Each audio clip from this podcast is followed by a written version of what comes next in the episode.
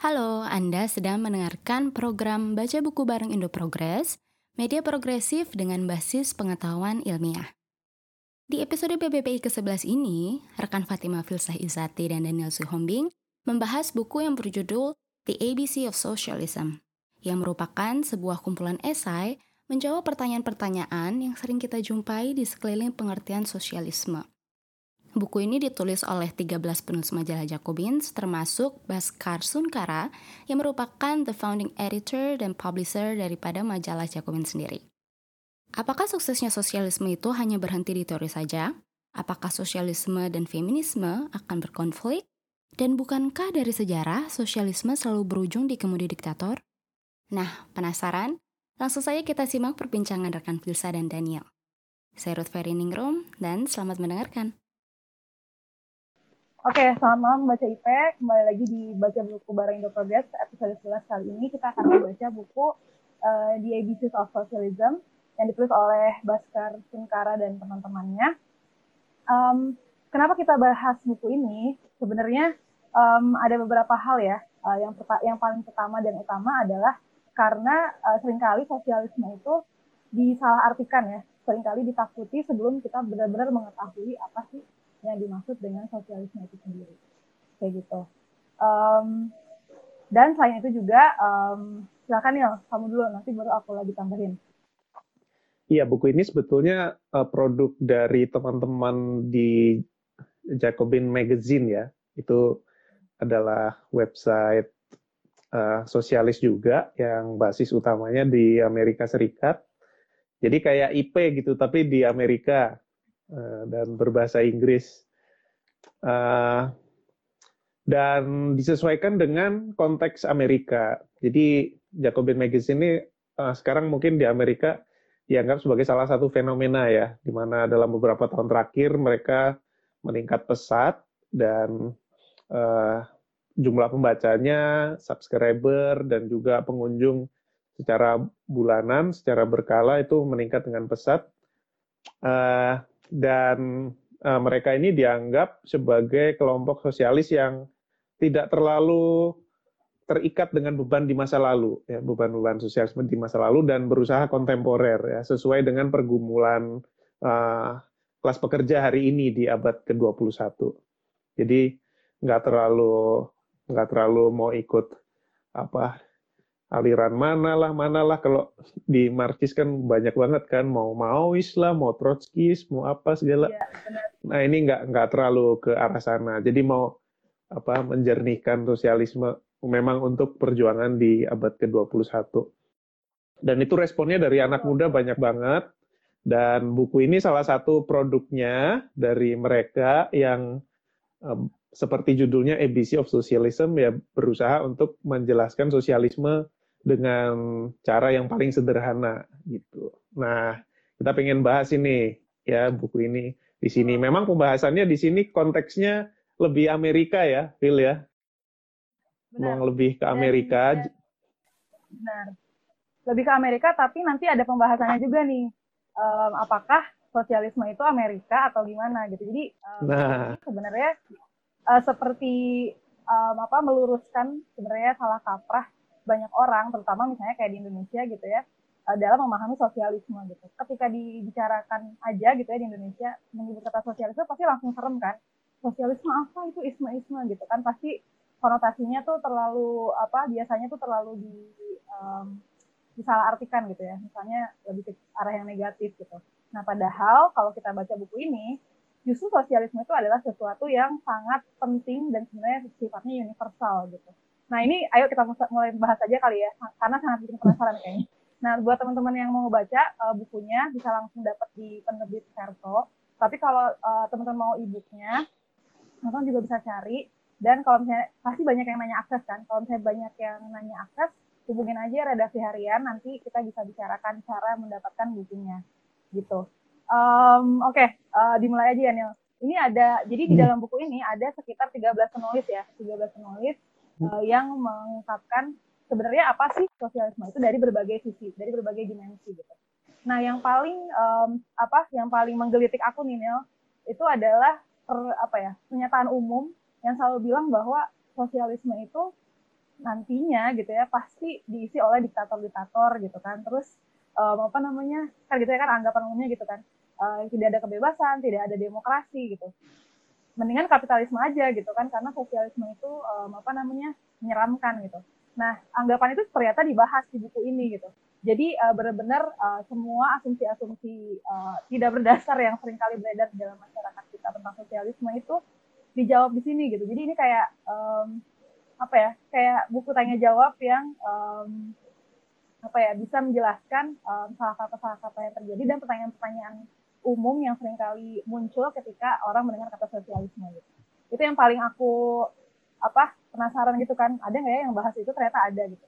Terus juga ada juga uh, pembahasan soal um, sosialisme itu nanti bisa bikin orang jadi kehilangan kreativitas dong gitu. Karena kan um, apa namanya kalau misalnya di kapitalisme misalnya yang mengutamakan individualitas gitu kan dan kompetisi pasti kan kreativitas manusia itu diutamakan gitu. Nah kalau sosialisme gimana? Nah itu tuh dibahas juga di dalam buku ini um, jadi um, apa namanya kita bisa um, apa ya bisa melihat sebenarnya aspek-aspek penting yang perlu kita ketahui tentang um, sosialisme itu dari buku yang sebenarnya tipis banget ini cuma 130-an 130-an halaman dan itu juga di, diisi dengan banyak ilustrasi-ilustrasi yang menarik juga gitu. Yang pertama um? Ya mungkin mungkin sedikit dulu. Jadi nah, ya. uh, untuk teman-teman yang mungkin belum lihat bukunya, jadi ini buku ini kira-kira bertolak dari Eh, pertanyaan-pertanyaan umum yang muncul seputar sosialisme gitu ya. Apakah sosialisme itu seperti tadi diceritakan Filsa membawa pada kediktatoran? Apakah ke sosialisme itu akan mengekang kebebasan individu? Bukankah kapitalisme itu yang lebih dekat dengan kebebasan dan demokrasi? Itu. Lalu apakah sosialisme ini bisa mengatasi masalah lingkungan? Bukannya Uni Soviet dulu juga banyak pakai fosil fuel, bahan bakar fosil dan lain sebagainya. Apakah ah, bukankah kita sekarang sedikit banyak udah sosialis juga gitu ya? Dan apakah sosialisme itu uh, semata-mata soal pajak yang lebih tinggi atau peran pemerintah yang lebih banyak?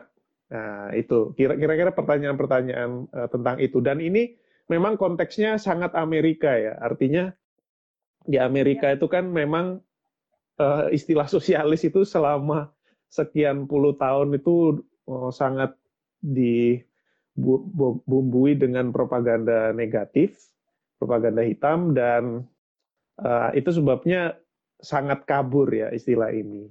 Tetapi karena. Amerika mendominasi dunia, maka pertanyaan-pertanyaan yang sering muncul dalam konteks Amerika ini ya tidak jarang juga kita temukan di Indonesia gitu. Jadi tetap relevan meskipun ya. konteks utamanya di Amerika. Ya itu sih mungkin. Benar-benar. Karena nanti juga di salah satu tulisannya dibahas juga apakah misalnya sosialisme itu uh, white centric atau euro centric atau enggak gitu. Dan itu menarik hmm. karena um, karena apa namanya buku ini banyak bicara tentang Amerika, pasti pernah pertanyaan orang yang baca di misalnya di negara dunia selatan kayak Indonesia tuh terjawab juga dengan adanya pembahasan soal apakah sosialisme itu eurosentrik atau enggak gitu. Nah kita mulai aja ya Nil. Ini uh, yang pertama nih yang aku pengen bahas banget juga um, adalah uh, banyak anggapan bahwa misalnya tentang um, ketika ada program-program yang berpihak pada rakyat gitu ya, itu serta merta menunjukkan bahwa suatu pemerintahan itu adalah sosialis gitu. Nah ini kan banyak terjadi di di apa di berbagai uh, belahan dunia gitu ya. Nah dalam konteks ini kan diceritakan di Amerika gitu, misalnya ada program seperti uh, Obamacare misalnya atau uh, program-program yang uh, sifatnya lebih cenderung berpihak gitu ya terhadap rakyat. Nah, apakah itu tuh artinya sosialis atau enggak gitu? Nah, di dalam buku ini dijelaskan sebenarnya kunci dari um, yang menentukan apakah um, apa namanya sebuah negara itu sosialis atau enggak tuh bukan nggak cukup dengan itu aja, tapi ada kunci yang lebih penting yaitu um, apakah jauh mana gitu ya negara itu bisa uh, mendorong uh, majunya uh, keterlibatan politik dari uh, rakyat pekerja kayak gitu. Nah ini tuh menarik banget karena kalau di Indonesia nih misalnya kita lihat ya uh, pasti banyak juga tuh yang bilang kayak aku pernah dengar sih misalnya um, oh kan kesehatan udah mulai ada tuh kayak misalnya BPJS atau misalnya kesehatan dasar udah mulai terjamin gitu kan di seluruh Indonesia gitu nggak perlu lagi bayar karena udah ada dana-dana kayak bos dan lain-lain gitu. Nah, berarti itu udah sosialis dong. Nah, ini yang sering kali um, apa namanya disalahpahami ya soal uh, program-program pemerintah dengan politik sosialis itu sendiri. Di satu sisi itu menunjukkan betapa sudah melemahnya gerakan kelas pekerja selama ini sehingga uh, apa namanya agenda-agenda dan kebijakan-kebijakan yang sifatnya reformis yang minimum seperti BPJS dan lain sebagainya itu pun udah sampai dituduh sosialis gitu kan. Yep. Ya, padahal ya, yang um, padahal yang hendak dicapai uh, selama ini dalam gerakan sosialisme dalam sejarah gerakan sosialisme itu jauh melebihi itu semua gitu. Dan sementara itu kan kalau kita lihat uh, sebenarnya kan kayak uh, universal healthcare terus yang tadi ya uh, misalnya pendidikan yang gratis itu kan sebenarnya um, apa ya bukan bukan hal yang membuat um, yang serta merta menunjukkan bahwa pemerintah itu udah serta merta sosialis gitu ya. Ketika misalnya uh, gerakan atau politik kerjanya itu tidak dominan gitu ya. Karena kalau kita lihat di Indonesia misalnya um, gak, belum ada kan sebenarnya yang benar-benar universal healthcare gitu kan uh, dan kemudian juga belum ada yang benar-benar uh, pendidikan untuk semua itu belum belum ada sebenarnya gitu kan jadi uh, itu perlu diperiksa lagi dan uh, kunci tentang apa politik tadi ya politik kelas pekerja, politik rakyat pekerja yang dimajukan itu jadi kunci. Nah, um, aku tuh jadi dan aku juga senang banget sama tulisannya Eric Olin Red di buku ini nih.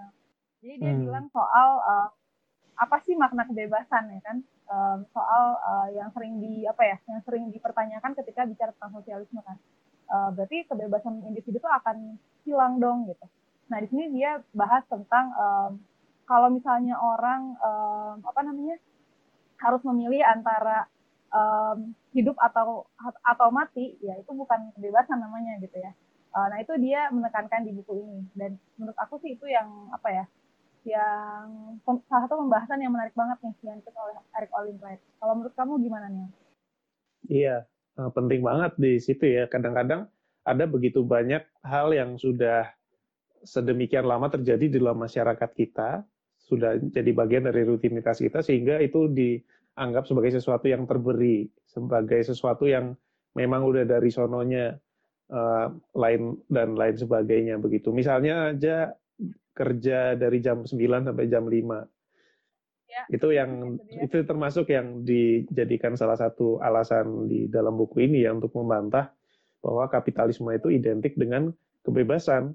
Argumen yang sering kali muncul dari kelompok kanan ya Nah, misalnya dikutip di situ kan Milton Friedman ya, dia yang mengatakan bahwa capitalism or democracy gitu kan, or freedom gitu. Iya. Iya. Jadi kapitalisme itu identik dengan kebebasan. Tidak ada freedom uh, di luar kapitalisme. Kapitalisme adalah prasyarat bagi kebebasan. Nah, iya. Tapi di dalam buku ini di bantah ya, misalnya seperti yang tadi diceritakan Kilza, atau juga bahwa dari orang harus kerja dari jam 9 sampai jam 5 itu, uh, apakah itu kebebasan? Tapi mungkin orang bisa berpikir lagi, loh, apa kan nggak ada yang maksa juga ya. Hmm. Nah, pertanyaannya adalah, pertanyaannya selanjutnya adalah, apakah bukan paksaan itu namanya kalau uh, orang harus melakukan itu, orang harus masuk atau nyemplung ke sana atau mati pilihannya, ya kan? Kalau nggak kerja kan mati. Nah itu yang uh, penting menurutku salah satu poin penting untuk bab, bab yang itu. Dan juga apalagi kalau kita bicara hari ini orang kerja ya mungkin banyak orang lebih dari jam 9 sampai jam 5 ya, ya kan? Aku baru bilang mau bilang iya. Bahkan kalau di era sekarang justru kerja itu udah bukan lagi 8 jam tapi udah balik lagi kayak sebelum ada tuntutan 8 jam kerja gitu udah udah melewati batas-batas itu apalagi misalnya sekarang di tengah pandemi ya banyak orang bekerja uh, melebihi itu gitu. Um, apa misalnya di rumah gitu batas waktu kerja itu udah blur banget gitu. Apa namanya? Bekerja bisa lebih dari bahkan 24 jam itu adalah isinya bekerja semua gitu. Um, misalnya dan terutama juga misalnya perempuan ya kalau perempuan kan di dalam rumah itu pasti bekerjanya uh, dari pagi sampai malam. Sebanyak mayoritas perempuan di dunia ini kan seperti itu ya dari pagi sampai malam sampai pagi lagi gitu ketika misalnya kalau di rumah tangga yang patriarkis gitu ketika misalnya suaminya itu bisa sedikit bermain-main gitu ya bermain game atau apa mungkin perempuannya tetap memasak tetap mengurus rumah tangga gitu tetap bekerja juga gitu. Jadi um, apa ini juga semakin intensif gitu di tengah um, adanya pandemi ini ya gitu. Jadi semakin semakin semakin gitu ya kalau di sekarang kita lihat gitu. Dan juga um, apa kalau kalau di level yang lebih makronya lagi misalnya um, kebebasan di sini kan sering sering diartikan soal um, apa namanya ya tadi ya pilihan uh, itu kan pilihan. Kalau nggak ada yang maksa buat kamu jadi um, apa namanya seperti itu gitu ya. Uh, dan kalau di level yang lebih makro pasti uh, ada narasi-narasi dari negara misalnya um, apa ya kalau kamu nggak nggak apa nggak bekerja uh, sesuai dengan apa dengan yang apa sih namanya passion atau apa? Passion. Ya kamu iya. nggak yeah. bisa. Ya passion. Kalau kamu nggak bisa nggak nggak bekerja mengikuti passion itu dan lain-lain ya kamu berarti nanti tidak bisa uh, apa tidak bisa menjadi apa ya, menjadi sejahtera gitu. Dan itu yang selalu digembar-gemborkan gitu kan. Jadi teruslah bekerja dengan passion teruslah bekerja dengan passion. Jadi itu dikaburkan um, apa jam kerja yang yang manusiawi jam kerja yang layak itu sudah sudah hilang gitu ya. Karena tadi ada narasi-narasi tentang um, apa passion tentang kreativitas tentang apa entrepreneur dan lain-lain. Dan itu bisa apa uh, semakin hari ini hari-hari ini semakin terlihat banget gitu ya narasi-narasi itu hidup di tengah-tengah kita semua gitu. Uh, apa misalnya kalau yang paling gampang deh gitu. Banyak sekali pasti di antara kita semua yang um, apa ya bekerja itu nggak kenal waktu dan um, ketika kita merasa lelah atau merasa kecapean gitu pasti ada bayangan-bayangan oh kalau nggak di wah ini berarti aku yang lemah gitu. Apa namanya? Uh, sementara kalau mau mau sejahtera ya harus harus harus mengikuti semua itu harus har, harus pantang menyerah harus apa namanya harus um, tegar dan kuat gitu kan menghadapi cobaan-cobaan pekerjaan gitu. Nah itu semua selalu diilusi seperti itu kan. Padahal um, apa namanya itu saja kan tidak cukup untuk membuat um, apa namanya kita sejahtera sebenarnya gitu ya. Udah kerja banting tulang justru yang paling bekerja keras itu kan kan yang biasanya yang paling nggak sejahtera kayak gitu. Jadi itu sih yang aku pengen bongkar banget itu sebenarnya. Dan di sini dibahas sih cuma nggak terlalu detail ya karena cuma sedikit ya um, apa pembahasannya gitu. Iya. Dan ironisnya kan ini kapitalisme udah berjalan ratusan tahun dan revolusi industri khususnya ya, itu kan membuat perkembangan kekuatan produksi itu menjadi luar biasa dibandingkan dengan abad ke 17, 18 kan kapasitas masyarakat kita untuk memproduksi kebutuhan manusia itu sudah jauh meningkat. Tetapi ironisnya adalah justru kenapa hari ini manusia justru malah sepertinya semakin sibuk gitu. Untuk mengejar tuntutan kebutuhan hidup itu harus berjuang lebih keras. Nah, itu kan ironis sebetulnya. Itu yang patut dipertanyakan sih. Di mana kebebasan di dalam masyarakat kapitalis uh, sekarang ini? Dan itu jelas tidak bisa dilepaskan dari sistem kapitalisme yang ada sekarang, di mana untuk memenuhi tuntutan akumulasi kapital itu orang harus terus dihisap uh, waktu kerjanya ya, uh, sehingga bisa menghasilkan terus uh, nilai lebih dan membuat uh, kapital itu terus berputar. Iya, dan sebenarnya Marx sudah bilang kan ya di bukunya dia yang free in the double sense itu yang, yang teori tentang uh, manusia itu bebas dalam dua hal yang free in the double sense itu. Uh, di satu sisi mereka bisa menentukan apa namanya tenaga kerjanya itu mau dipakai atau atau enggak gitu ya tapi di sisi lain ya untuk mempertahankan kehidupannya pada akhirnya dia harus menjual tenaga kerjanya itu kan untuk mereproduksi um, apa dirinya sendiri gitu. Jadi ini udah dibahas juga nih. Dan ini memang kayaknya pengejauhan tahan dari teori-teori Marx yang rumit ya buku ini. Jadi benar-benar disederhanakan gitu. Kalau yang aku baca kayak gitu sih. Um, dan kemudian juga yang yang menarik lagi ini adalah tentang um, apa namanya yang tadi pajak ya. Uh, pajak uh, bahwa katanya kalau uh, apa namanya kalau udah udahlah nggak usah sosialis gitu ya. Nggak usah ada sosialisme gitu. Toh udah dengan pajak yang tinggi aja udah cukup gitu kan. Nah itu dibahas tuh dibongkar kan di buku ini sebenarnya gimana. Dan um, di Indo Progress ada tulisan baru nih tentang pajak. Jadi sekalian promo ya. Mungkin teman-teman hmm. bisa sekalian baca. Tulisan yang baru kemarin terbit tentang pajak. Nah teman-teman bisa baca juga sebenarnya gimana sih kita melihat pajak itu gitu. nah kalau menurut kamu sendiri gimana nih tentang anggapan yang tadi um, apa ya udahlah nggak usah sosialis gitu cukup dengan pajak progresif aja lah Gitu. Iya, masih kurang ya. Di buku ini sih jelas sekali dibahas dengan baik ya. karena uh, ketika pemerintahan yang sekarang itu tidak diubah uh, keberpihakannya, maka uh, perannya, kebijakannya, pertimbangan-pertimbangannya itu hanya akan melayani kelas yang berkuasa saat ini, yaitu kelas borjuasi. Gitu. Ya. Jadi uh, apa namanya bukan hanya pajak yang harus ditingkatkan, uh, di mana itu juga itu aja udah sulit gitu ya, karena ya. kan selalu ada pengurangan pajak untuk orang kaya, uh, karena kekuatan ke kelas borjuis yang ada hari ini untuk bisa apa namanya mendominasi pemerintahan yang ada sekarang sehingga mengarahkannya untuk menjadi uh, pelayannya. Jadi iya, pajak progresif aja udah sulit. Uh, tetapi itu pun masih sangat kurang karena ketika uh, pemerintahan ini tidak diarahkan kembali untuk melayani kelas pekerja, maka ya kebijakan-kebijakannya, orientasinya juga tidak akan melayani kelas pekerja. Gitu. Iya. Gitu ya. Dan apa namanya? Um, kalau di Indonesia sekarang kan ada yang baru nih ada yang baru uh, tentang ya yang dipajaki adalah sembako gitu kan. Iya. Yep. Nah ini yang apa yang yang juga apa ya yang juga menyesatkan lah gitu. Malah yeah. yang terjadi malah um, orang-orang kecil yang dipajaki gitu ya, bukan uh, yang orang-orang kaya gitu. Dan yeah. ini iya. memang udah dibahas sih sebenarnya sama tulisan terbaru di IP tadi yang aku promosiin juga sih. Kalau teman-teman mau baca di gitu dan juga um, yang yang lebih penting lagi adalah uh, fasilit negara sebagai fasilitator bisnis ini ya. Uh, jadi negara hmm. selalu berusaha untuk menciptakan iklim yang ramah bagi investasi dan ramah bagi uh, bisnis gitu ya, ke bisnis yang ramah bagi kelas kelas oligarki gitu ya.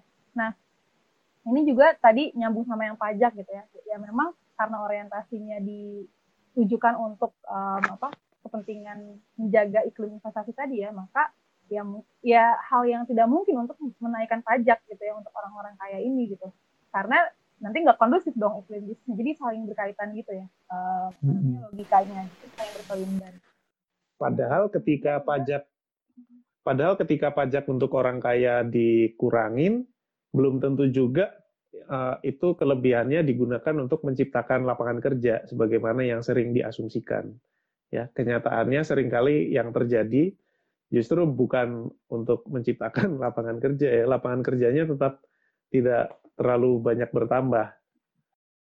Iya betul, betul banget. Dan uh, yang selalu digembar-gemborkan, apalagi kalau di Indonesia ya, dengan banyak investasi yang masuk akan semakin banyak tercipta lapangan pekerjaan gitu.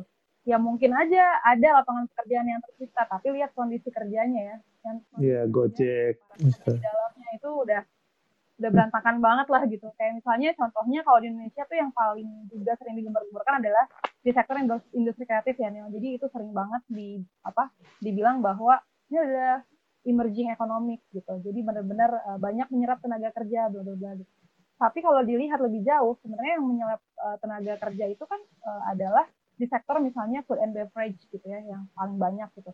Dan kondisi uh, buruh di sektor itu sangat buruk sekali gitu dan itu udah aku tulis juga sih dengan tim aku dengan tim gitu jadi um, kayak gitu dan apa namanya uh, ini juga yang uh, juga sedikit dibahas di dalam buku ini um, meskipun juga saya lagi ya nggak detail-detail banget uh, juga soal yang tadi uh, terkaitannya dengan apakah sosialisme itu Eurocentric atau enggak. Nah ini dibahas dengan sangat menarik uh, oleh salah satu penulis dalam buku ini uh, dan kondisi kerja secara global yang tadi sangat buruk itu menjawab uh, bahwa sosialisme itu tidak eurocentrik.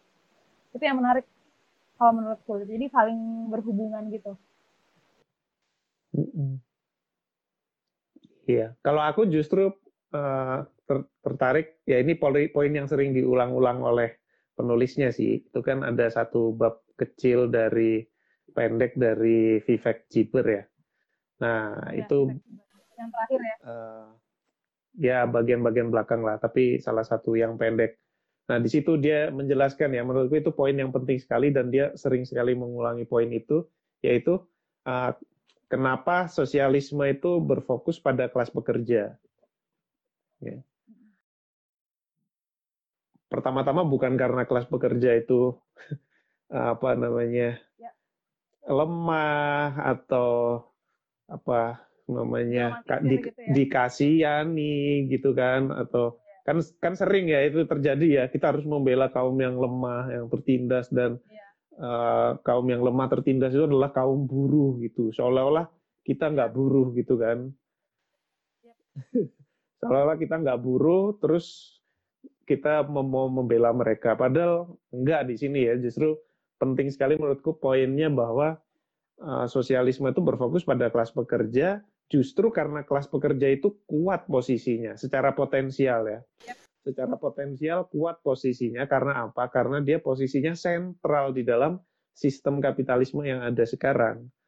Nah, artinya ya hanya kelas pekerja lah yang punya potensi untuk membebaskan uh, kita dari kapitalisme yang ada sekarang ini ya karena ketika kelas pekerja itu uh, bersatu berhimpun mengorganisir diri dan juga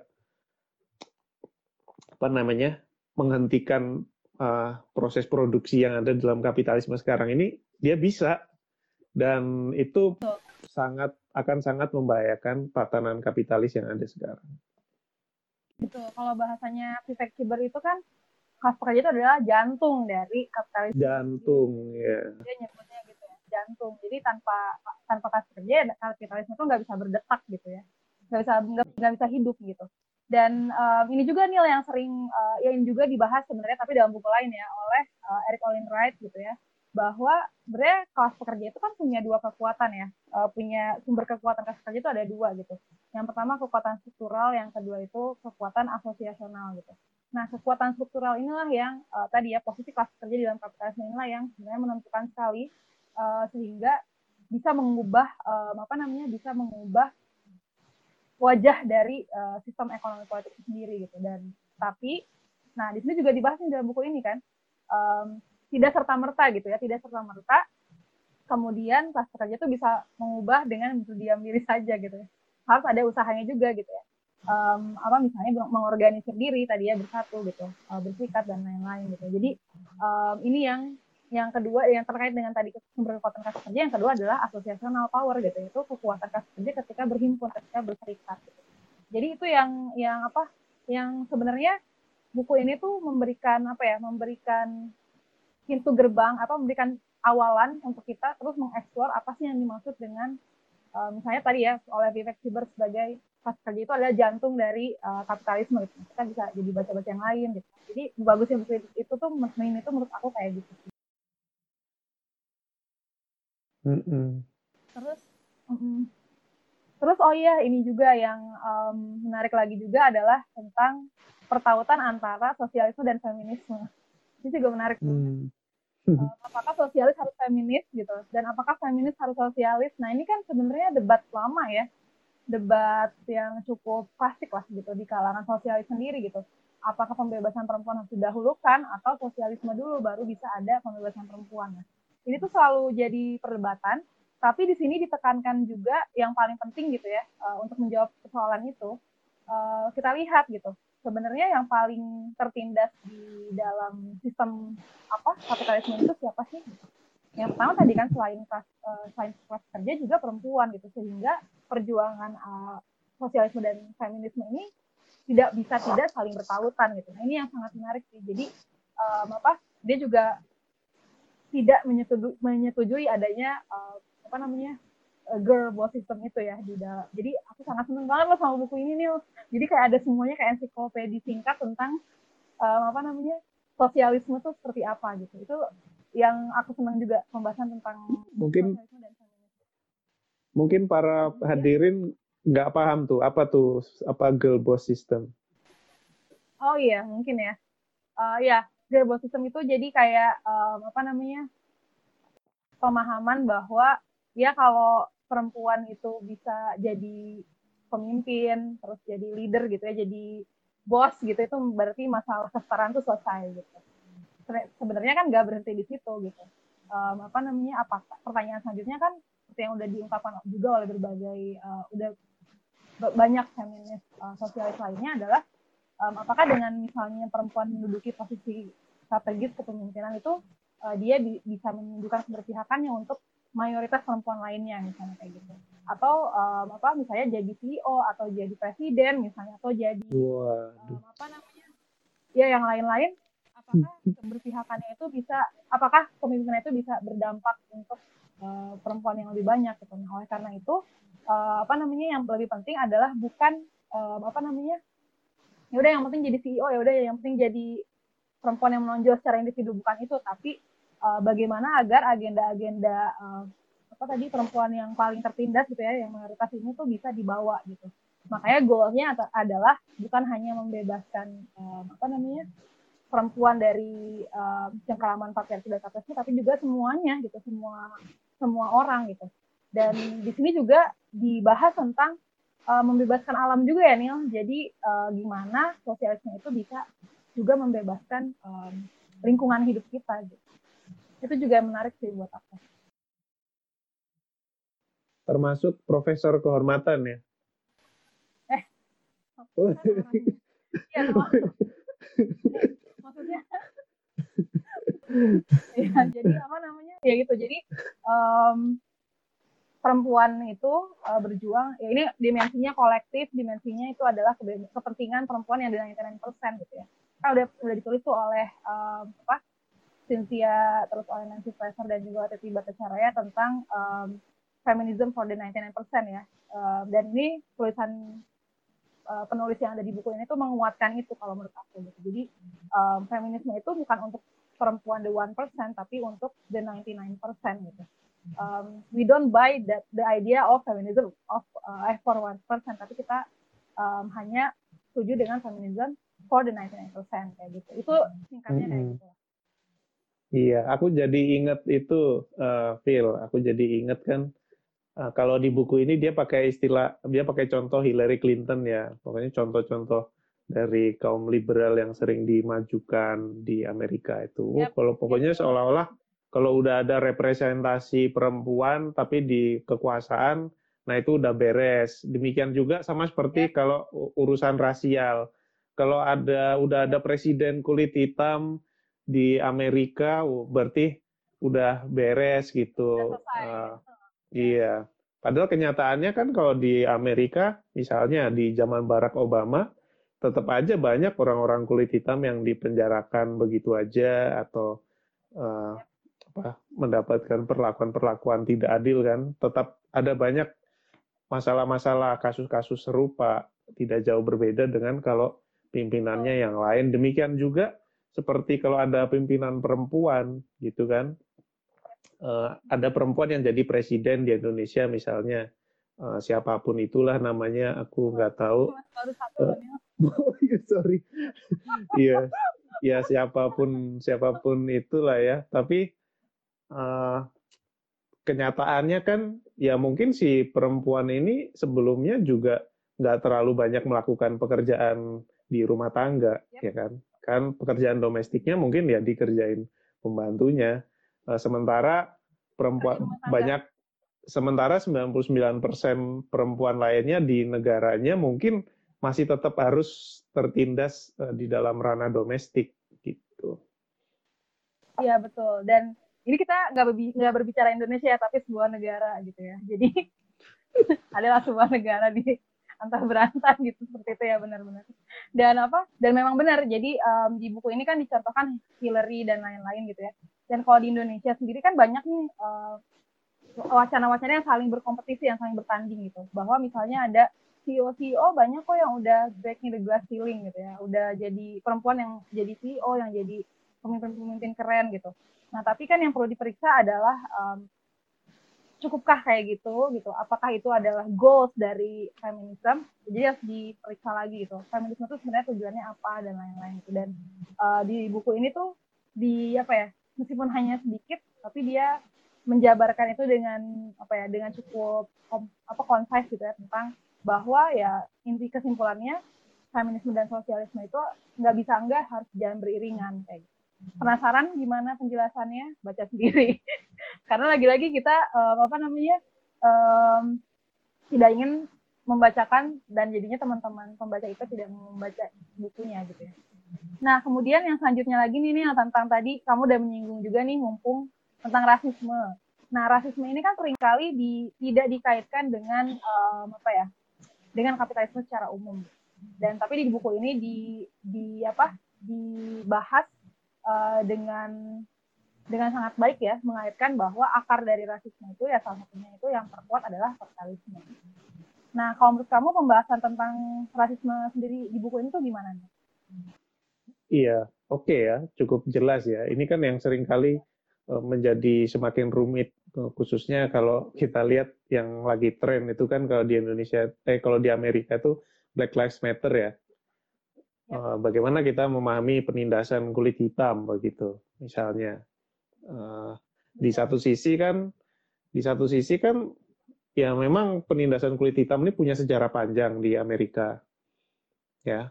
Nah, tetapi di sisi lain kalau kita lihat perkembangan Black Lives Matter itu kan akhirnya yang banyak menyuarakannya itu kan terus banyak artis juga yang ikut-ikutan. Terus kebetulan aku suka nonton NBA ya, itu basket di Amerika.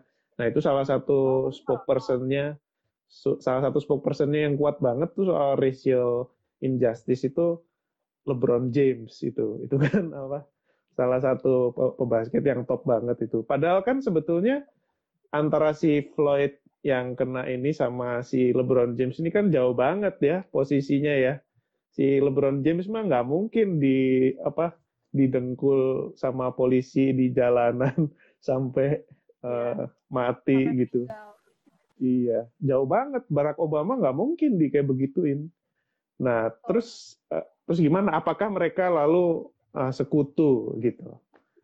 Uh, ya, dalam apa punya kepentingan uh, yang sepenuhnya sama. Nah, ini kan yang membuat menjadi complicated.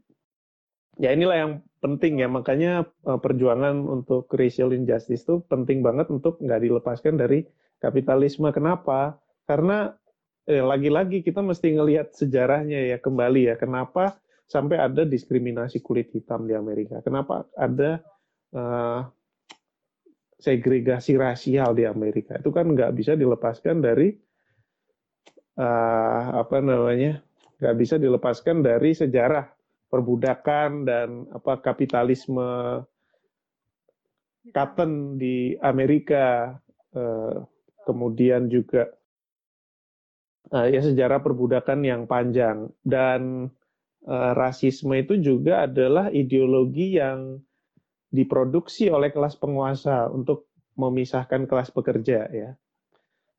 Karena kelas pekerja itu paling berbahaya ketika mereka bersatu. Maka rasisme itu adalah salah satu cara, agenda, jalur untuk memecah belah kekuatan ini.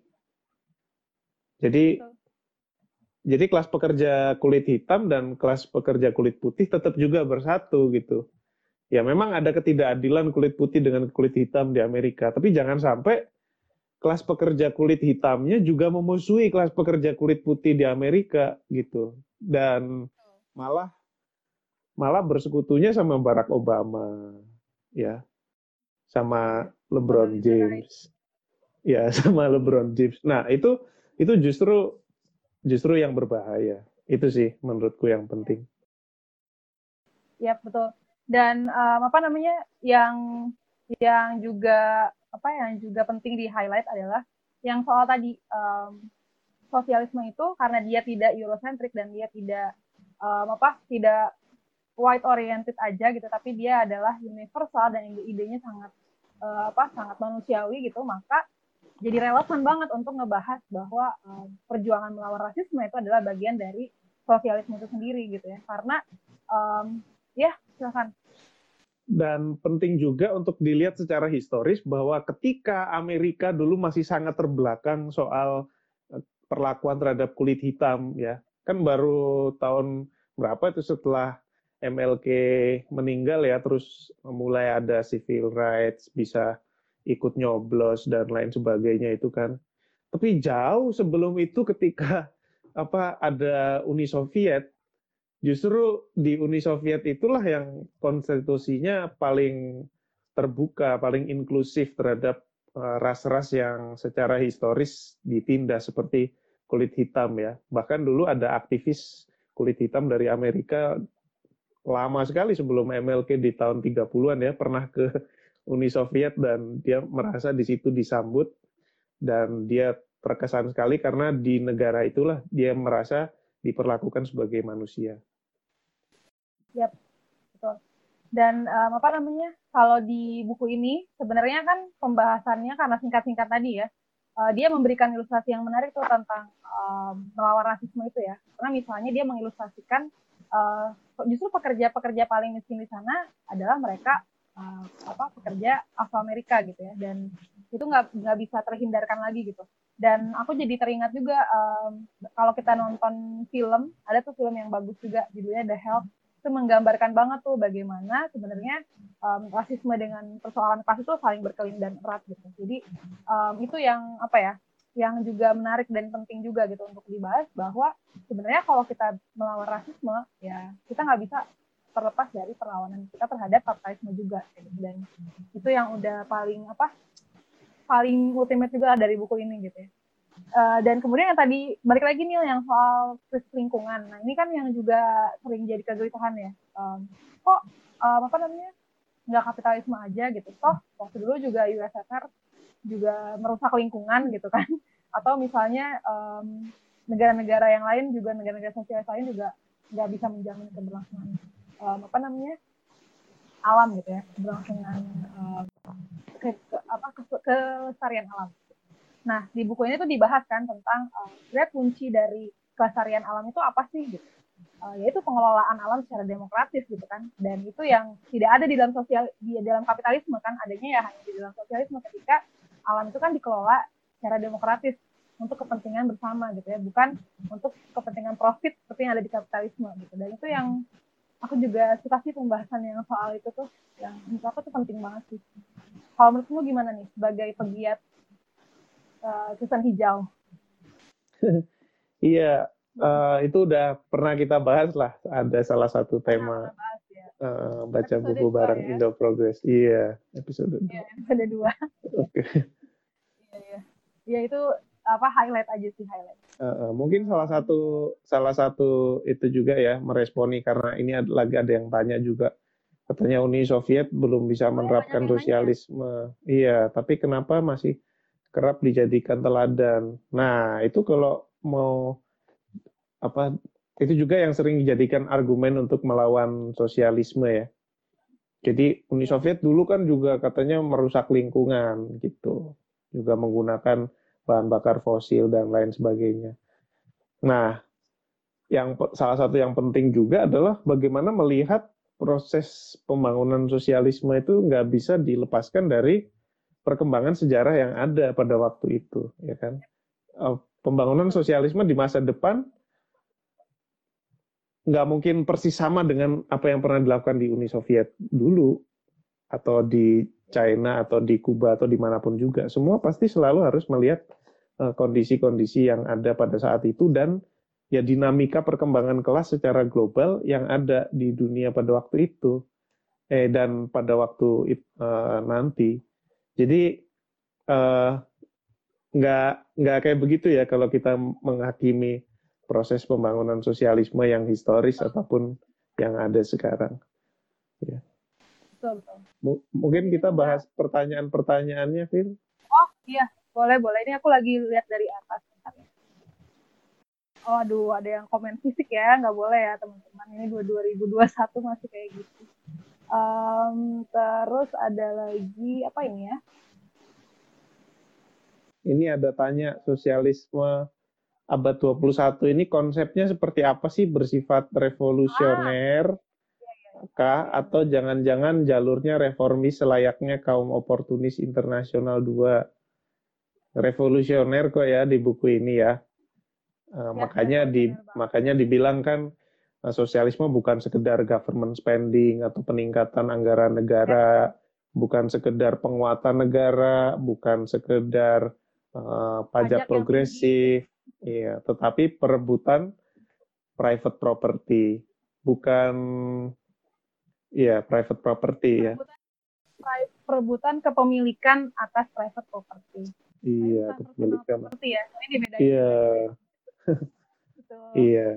Jadi bukannya apa kalau sosialis itu sikat gigi dipakai bareng-bareng gitu ya. Iya, bukan.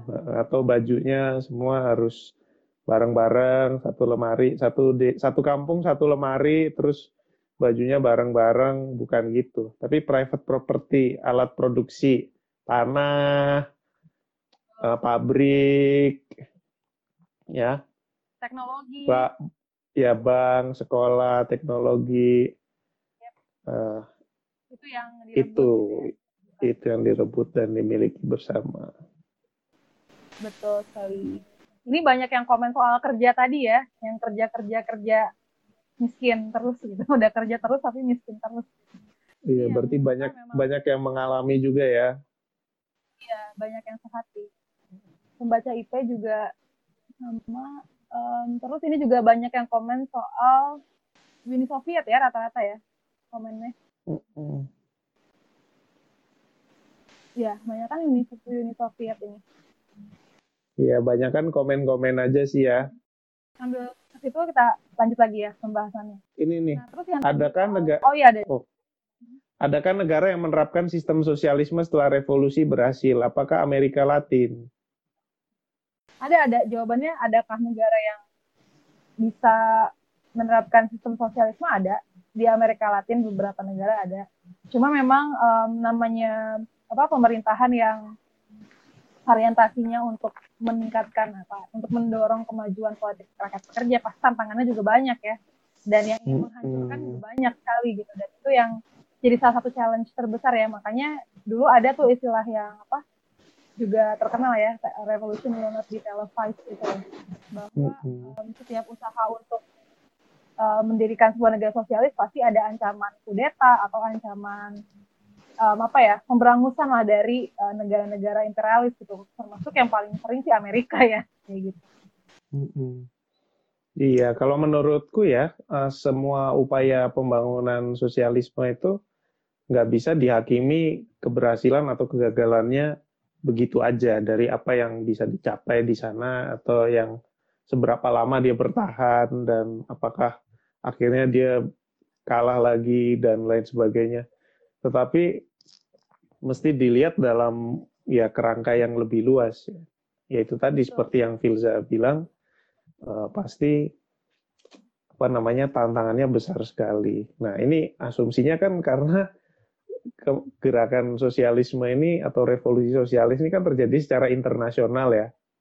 Artinya kan semua rakyat pekerja di seluruh dunia internasionalnya pastilah di dunia itu seperti lagu yang sering dinyanyiin di demo-demo. Tetapi kenyata tetapi kenyataannya sampai hari ini dalam sejarah revolusi yang terjadi ya selalu di negara-negara tertentu gitu. Kan nggak pernah terjadi secara spontan di uh, seluruh dunia. Nah, itulah yang selalu membuat uh, tantangan bagaimana uh, idealisme sosialisme yang pertama diangan-angankan itu tidak tidak mungkin diterapkan begitu aja sepenuhnya sesuai dengan idealisme di awal karena karena apa namanya syarat-syarat sejarahnya belum tercapai. Nah, itu yang selalu menjadi tantangan. Dan yang tadi um, ini ada yang menarik nih pernyataan yang dari audiens juga um, tentang soal hubungan antara sosialisme sama demokrasi ya. Karena kan biasanya sosialisme itu diidentikan dengan oh pasti nanti pemimpinnya diktator dong atau misalnya nggak um, ada demokrasi di dalam sosialisme. Nah, ini sebenarnya salah kaprah yang diluruskan di dalam buku ini ya. justru um, salah satu kunci dari sosialisme itu adalah demokrasi gitu dan uh, apa kayak tadi misalnya contoh-contoh konkretnya gitu ya uh, dalam mengelola alam deh gitu. Justru yang tidak demokratis itu kan kapitalisme ya. Jadi alam itu dikelola berdasarkan kepentingan profit gitu. Jadi mana demokratisnya gitu. Nah tapi kalau di sosialisme kan enggak gitu. Itu dikelola berdasarkan kepentingan hajat hidup orang banyak kayak gitu. Dan itu yang jadi salah satu contoh konkretnya ya. Kayak gitu di dalam buku ini dijelaskan. Gimana nih silakan silakan. Iya enggak. Enggak aku cuma menanggapi oke okay aja. Itu oh, poin Iya itu poin poin yang penting ya bagaimana eh, sekarang ini misalnya ada climate change terus ada banyak orang mengeluh karena kerusakan lingkungan. Ya apa sebetulnya itu perlu perlu dihubungkan dengan bagaimana memang pengelolaan alam lingkungan yang ada sekarang ini sumber daya alam yang ada itu sangat tidak demokratis karena dikuasai oleh segelintir orang. Misalnya di Indonesia aja, ya eh, berapa persen sih orang yang mengurus batu bara atau apa namanya sawit, sawit. ya? Iya sumber-sumber daya. sawit yang baik. Aduh. Nah iya. Emas ya di Indonesia. Itu uh, penting poin yang penting sekali. Sama seperti itu juga ya, termasuk soal kediktatoran juga ya. Uh, banyak yang mengaitkan sosialisme dengan kediktatoran. Nah ini kan khusus dalam konteks Amerika ini poin yang sering banget dipropagandakan.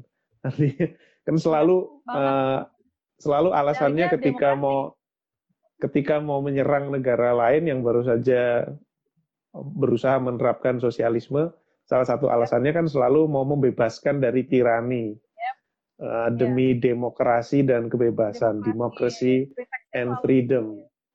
Iya, yeah, pretextnya selalu demokrasi and freedom. Nah, uh, tetapi penting untuk dilihat juga bahwa cita-cita sosialisme itu dari zamannya Marx dan Engels itu selalu demokratis. Yep.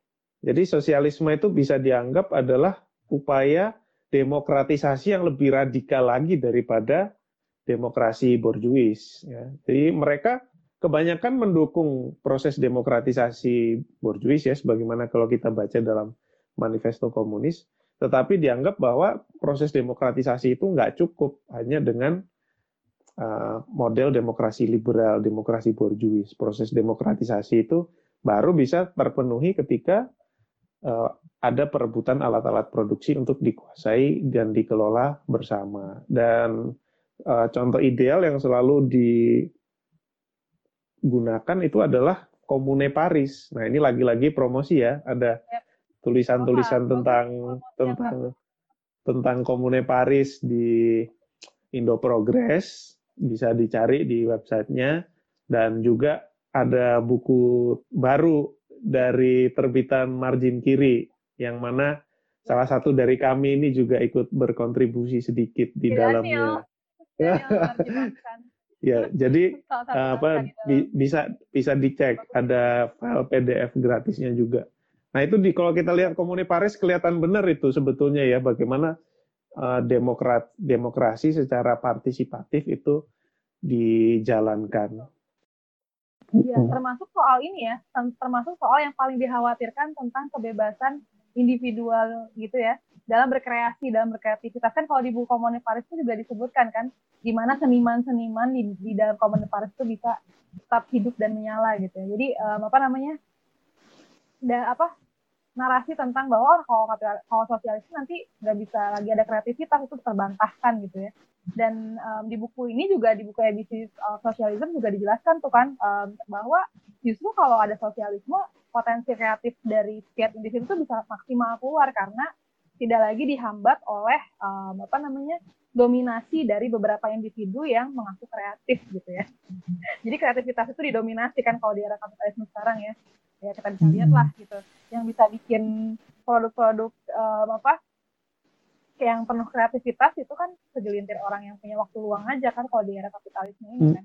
Tapi kalau um, di apa bagian besar lainnya uh, yang mereka yang pekerja kreatif misalnya kebanyakan tidak bisa melakukan apa mengeluarkan potensi kreativitas mereka secara full karena misalnya ada art washing, ada tuntutan pekerjaan yang membuat mereka harus meredam kreativitas mereka, menyesuaikan dengan permintaan klien dan lain-lain kayak gitu kan. Jadi ini juga apa apa namanya dibahas juga ya di dalam bukunya. Jadi ini bukunya sangat komprehensif ya kalau menurut aku ya seperti RPUL tentang sosialisme gitu ya. Kayak iya. semua dijawab di sini gitu ya. Ya, jadi sangat direkomendasikan untuk teman-teman yang baru mulai apa mau tertarik dengan ide-ide sosialisme atau mungkin juga yang selama ini meyakini bahwa oh ya kapitalisme ini adalah jalan yang terbaik ya atau kapitalisme ini yang lebih demokratis atau dengan kebebasan identik dengan kebebasan dan uh, sosialisme itu mengerikan uh, ide uh, yang apa berdarah-darah lalu apa tiranikal diktatorial. Nah itu mungkin bisa coba baca buku ini ya. Itu pendek aja kok mungkin dibaca cepat juga selesai. Dan kalau ada yang mau menerjemahkan ke dalam bahasa Indonesia mungkin bagus ya siapa tahu ada juga yang terpanggil dari dari para pemirsa kita ini yang yang terpanggil untuk menerjemahkan ke dalam bahasa Indonesia. Ya. itu bagus banget hmm. karena ini bukunya termasuk buku yang ringan banget sih seperti manifesto lah gitu ya. Jadi nggak yeah. terlalu yang berat-berat gitu dan satu tulisannya paling hanya empat atau lima halaman, tiga atau lima halaman aja gitu kan nggak terlalu banyak. Jadi uh, sangat mudah dibaca juga gitu. Nah satu lagi nih yang um, belum kita bahas sepertinya ya. Itu adalah soal um, sosialisme itu um, apa? Mendukung perang. Ini ada kan di eh mendukung perang. Apa namanya? Tidak bersikap apa apa tentang perang. Yang pasifis itu loh. Iya. Iya itu pertanyaannya. Nah ini menurutku uh, menarik untuk melihat posisi antara misalnya kalau kita lihat di sini kan contoh perang uh, Amerika lawan Vietnam gitu ya dan um, apa perlu dibedakan tuh posisi Amerika dengan Vietnam dalam perang itu seperti apa gitu. Nah aku jadi teringat tentang ini uh, bahwa sebenarnya kita sekarang ini ada ada ada di dalam kondisi perang di dalam kapitalisme ini ya yaitu perang kelas kan perang antara kelas uh, kapitalis dengan uh, perang dengan kelas yang kerja gitu. Jadi ini juga apa belum menutup yang tadi posisi uh, pekerja yang tulisannya Vivek Siber itu dia membukanya dengan posisi perang itu ya itu tuh menarik juga nah, mm -hmm. sudah dibahas semua kayaknya isi bukunya ya mm -hmm. mungkin kalau iya. ada yang ini ada yang bertanya sih sebenarnya Mung mungkin untuk untuk untuk perang ya itu perlu di uh, perlu diperjelas juga pembedaan antara perang agresi uh, dengan perang mempertahankan kedaulatan ya. Nah, misalnya misalnya kalau di film-film Hollywood yang sering muncul di TV-TV kita itu kan uh, selalu menggambarkan Uni Soviet itu kayak uh, mau menghancurkan dunia, udah ada ya. nuklirnya, kapal selamnya, terus uh mengancam nanti orang-orang bisa mati semua apa semua itu ya. Uh, uh, padahal Iya, padahal kalau kita letakkan dalam uh, perkembangan sejarah ya, justru Uni Soviet itu adalah negara yang sedari berdiri dia udah selalu uh, menerima ancaman agresi dari negara-negara yang paling kuat di dunia. Gitu. Sehingga dari sejak awal berdirinya dia posisinya defensif gitu. Nah, nah, nah itu yang mesti mesti dibedakan ya aku pikir ya tentu saja kita bisa berdiskusi berdebat panjang tentang ini tapi uh, kalau kita mau melihat uh, balik ke sejarah uh, mungkin penting untuk melihat posisi yang seperti itu. Sama seperti Vietcong ya. Vietcong Vietcong juga sering digambarkan di film-film Hollywood itu kan mungkin ganas atau apa fanatik Negatif atau apa iya atau apa segala gitu. Tapi kan itu jelas-jelas jelas-jelas Amerika yang menyerang dan eh, orang-orang Vietnam itu justru mempertahankan diri dengan sangat heroik. Iya. Sama kalau di posisi perang kelas ini kan ya kita apa kelas pekerja itu selalu diserang oleh narasi-narasi negara, oleh kapitalis gitu ya dengan berbagai macam persekongkolan mereka gitu ya. Kita mempertahankan kedaulatan dengan berserikat melawan gitu. Nah ini ada kata kamrat Ben Filza dan Daniel yang menerjemahkan. gimana kalau Ben dan Rara? Ya, Nah, boleh tuh. Aku setuju. aku Iya. setuju, aku setuju. Atau kita berempat aja gimana? Iya gitu. Oke deh, ini udah Ini ada, udah jamnya. ada yang nanya nih di Oh, kolom oke. komentar, ada yang nanya. Uh, kolom Oh, iya. komentar. Banyak ini mah yang nanya, cuma cuma nggak tahu relevan apa enggak. Iya, yang yang di kolom komentar nih relevan nih kayak.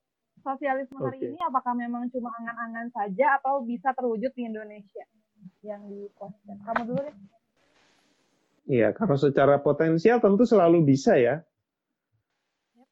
Secara potensial selalu bisa. Artinya sosialisme itu bukan proyek yang fatalis gitu loh. Ya seperti bukan seperti uh apa namanya indah gitu di mimpi, tapi sebetulnya sebetulnya sih nggak bisa juga diwujudin. Nah, itu terkait sama poin dari tulisannya Vivek Ciber tadi itu bahwa pekerja itu posisinya sentral bukan semata-mata orang yang lemah, nggak berdaya dan lain sebagainya. Dan justru karena posisinya sentral, secara potensial dia bisa. Nah, syaratnya ya dia mengorganisir diri dan di jantung kapitalisme. Secara potensi bisa, tapi nah aktualisasinya iya tergantung kemampuan kelas pekerja ini sendiri untuk mengorganisir diri dan uh, melakukan langkah-langkah strategis. Setuju, setuju. Dan apa kalau misalnya dibilang oh masih angan-angan segala macam, sebenarnya prakondisi untuk menuju sosialisme itu juga harus diciptakan ya, karena nggak bisa tiba-tiba langsung apa udah direbut alat produksinya nggak bisa. Tapi misalnya dimulai dengan tadi karena posisi kas kerja adalah sentral jantung, jadi dimulai dengan meng mengorganisir kekuatan dari kas kerja itu sendiri. Misalnya. Ini ada lagi Betul. selanjutnya, apakah welfare state di negara Skandinavia juga mengadopsi nilai-nilai sosialisme? Ya kalau tahu aku, um, welfare state di negara Skandinavia itu kan ada karena perjuangan kelas kerja yang panjang ya. Jadi mereka ada karena tradisi buruh yang panjang juga ya di sana ya, yang kuat dan panjang gitu. Jadi makanya bisa ada negara-negara uh, welfare state yang kayak di Skandinavia gitu. Udah sih, yang relevan mungkin itu ya. Kalau yang Oke. Ya, itu juga ada di uh, disebut di dalam buku ini bagaimana uh, perjuangan kelas pekerja di Skandinavia dan juga Perancis itu membuat uh, perkembangan kesejahteraan kaum buruh di negara tersebut dan juga penguatan posisi mereka dalam kepemilikan alat produksi. Cuma itu juga lalu direspons oleh kelas burjuasi di sana dengan melakukan offshoring ya, meletakkan pabrik-pabriknya di eh, negara-negara uh, dunia ketiga. Oke, sepertinya udah semua ya terjawab yang relevan-relevan ini. Iya, ya, ya ini ada banyak komentar, tapi ya tetapi uh, ini soalnya banyak juga komentarnya yang nggak terlalu relevan ya dan nggak apa-apa juga lah buat meramaikan. Buat meramaikan ya, nggak apa-apa juga sih. Selama komentarnya tidak aneh-aneh. Tadi di awal-awal ada yang komentar fisik apa nggak usah lah yang kayak gitu ya, tapi soal isi aja. Oke, Em, sepertinya itu ya eh, pembahasannya.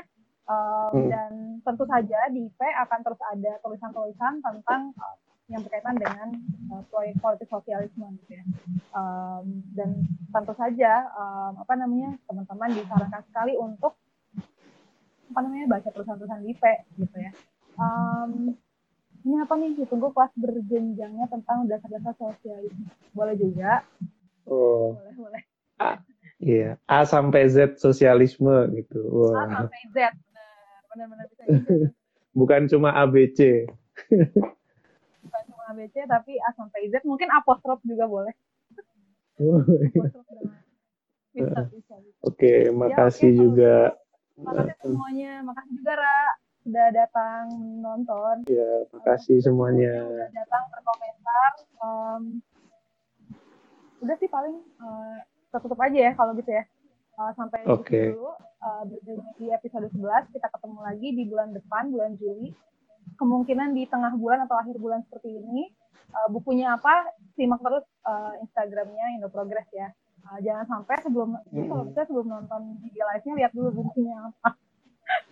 Biar okay. biar seru gitu pembahasannya ya oke. Okay. uh, sampai ketemu lagi bulan Juli. Dan tetap jaga protokol kesehatan ya. Tetap uh, menggunakan masker. Kalau kalau harus keluar rumah menggunakan masker cuci tangan jaga jarak. Maskernya juga dilapis ya sekarang masker medis sama masker yang kain biar lebih efektif gitu. Dan kalau kalau kalau harus keluar rumah kalau nggak harus harus banget kalau bisa di rumah aja dulu.